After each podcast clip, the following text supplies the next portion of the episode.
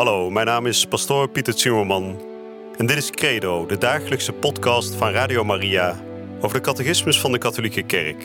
Samen dringen we elke dag een beetje dieper door in het prachtige plan van liefde dat God met elk van ons heeft. Laat je inspireren en ga met ons mee op deze avontuurlijke reis door het geloof.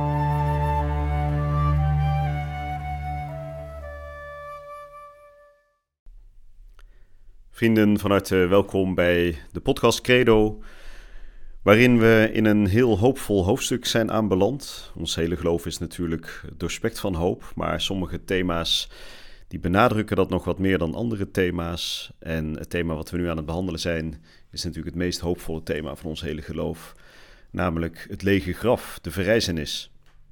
Jezus Christus, die zoals hij zelf heeft aangekondigd, na drie dagen verrijst uit de dood. En zoals de heilige apostel Paulus ook zegt, zonder die verrijzenis is ons hele geloof zinloos. op het moment dat Jezus alleen maar gestorven zou zijn, maar niet ook zou zijn verrezen, dan waren we nog niet verlost. Zijn verlossend kruislijden krijgt de climax in het feit dat hij ook weer opstaat uit de dood. En daarmee toont dat hij sterker is dan de dood, dat het eeuwig leven zich niet laat knechten. En we gaan vandaag de nummers 645 tot en met 650 behandelen, die dus gaan over de verrijzenis en dan met name over de toestand van de menselijke natuur van Jezus. Jezus staat op uit de dood met een echt lichaam. Hij toont dat ook aan zijn leerlingen. En hoe kan dat? En wat is daar de betekenis van? Jezus is geen geest, geen spook dat uh, als een soort verschijning onder de leerlingen aanwezig komt. Nee, hij is een echt mens met een echt lichaam en toch verrezen om nooit meer te sterven. Nou, we gaan vandaag dus eh, bespreken wat dat precies betekent. Maar voordat we daarover gaan spreken, zullen we eerst zoals gebruikelijk weer beginnen met gebed. En ik zal vandaag weer bidden tot de Heilige Geest. We weten, de Heilige Geest is uiteindelijk degene die ons alles in herinnering brengt, hè? zoals uh, Jezus dat zelf ook in het Evangelie zegt. Hij is degene die ons laat inzien wie Christus is, wie de Vader is en hoe wij beide moeten beminnen. Ze zullen nu beginnen met het gebed tot de Heilige Geest en daarna gaan we spreken over Christus verrezen uit de dood. In de naam van de Vader en de Zoon en de Heilige Geest. Amen. Kom, Heilige Geest, vervul de harten van uw gelovigen en ontsteken hen het vuur van uw liefde. Zend uw geest uit en alles zal worden herschapen en gij zult het aanschijn van de aarde vernieuwen.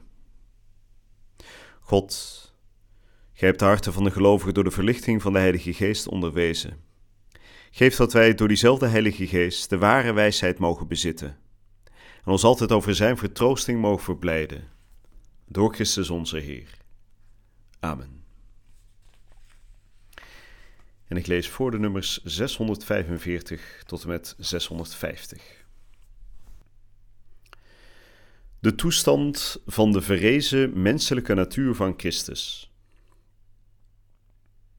Jezus treedt na zijn verrijzenis rechtstreeks in contact met zijn leerlingen door hen aan te raken en de maaltijd met hen te gebruiken.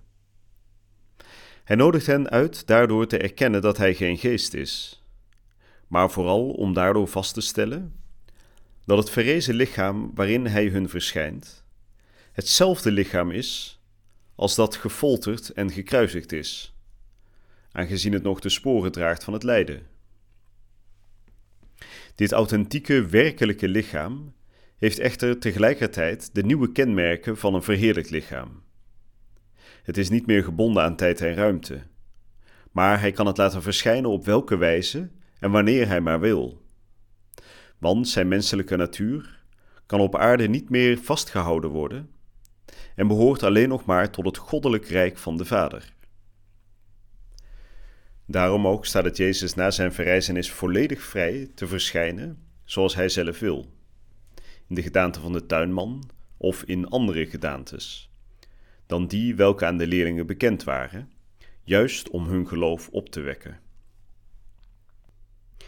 De verrijzenis van Christus was geen terugkeer naar het aardse leven, zoals dat het geval was met de opwekkingen die hij voor Pasen gedaan had.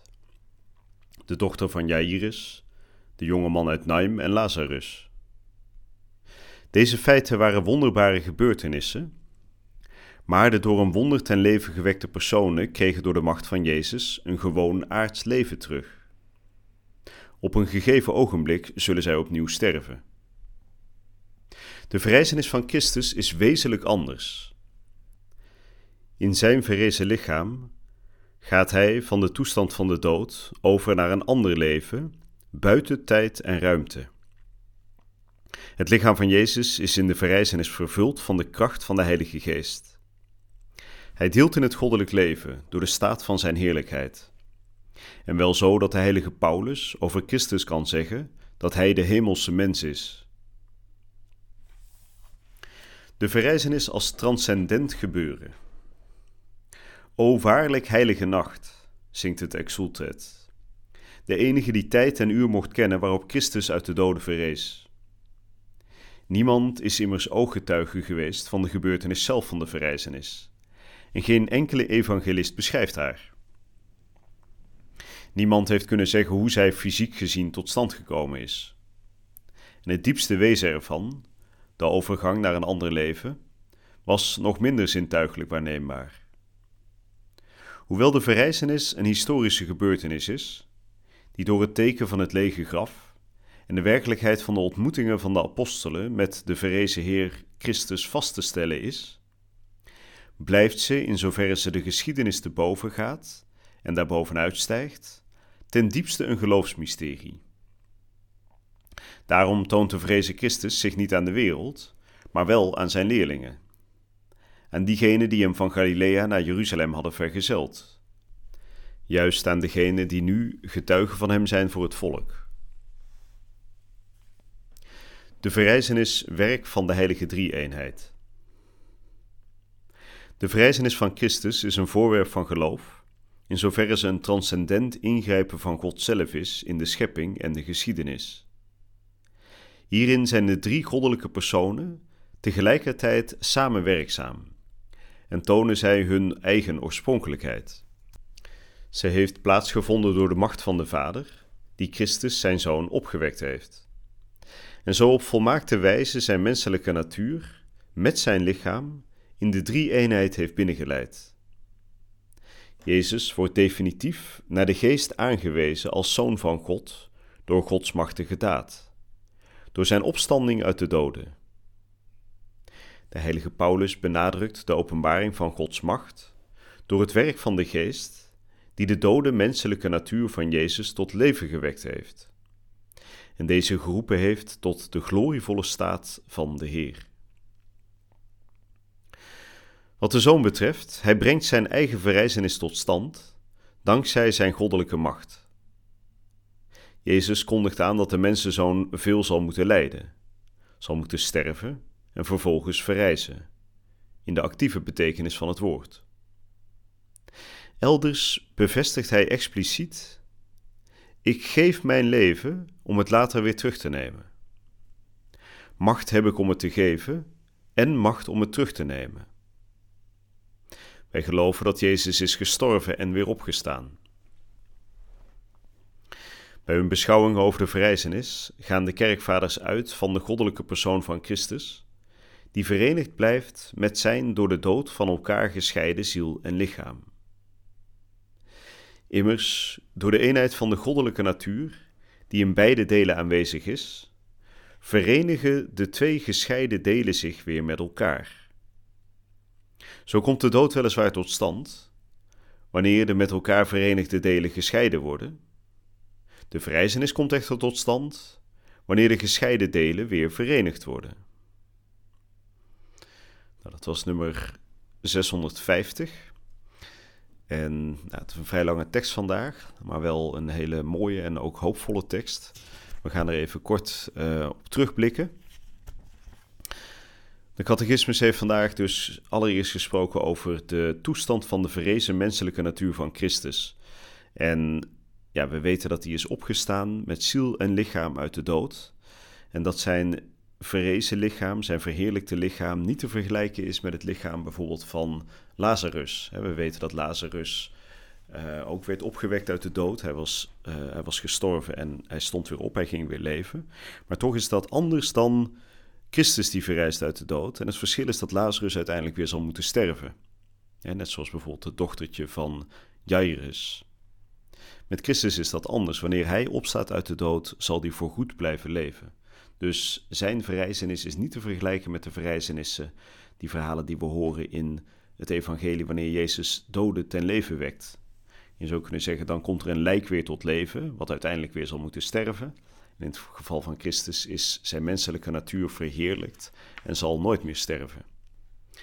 En dan horen we vervolgens dat er van de verrijzenis zelf geen getuigen zijn geweest, alleen maar getuigen van de verrezenen. Het verschil is, niemand was op dat moment van de verrijzenis aanwezig bij het graf van Jezus. Dus niemand heeft dat zien gebeuren, behalve dus God zelf. We hebben wel natuurlijk heel veel getuigen verslagen van ooggetuigen die de verrezenen hebben ontmoet. Dus na de verrijzenis, op het moment van verrijzen zelf was niemand aanwezig, maar na de verrijzenis heeft hij natuurlijk velen ontmoet. En dan horen we zojuist in de catechismus dat zijn verrijzenis een werk is van de hele drie-eenheid.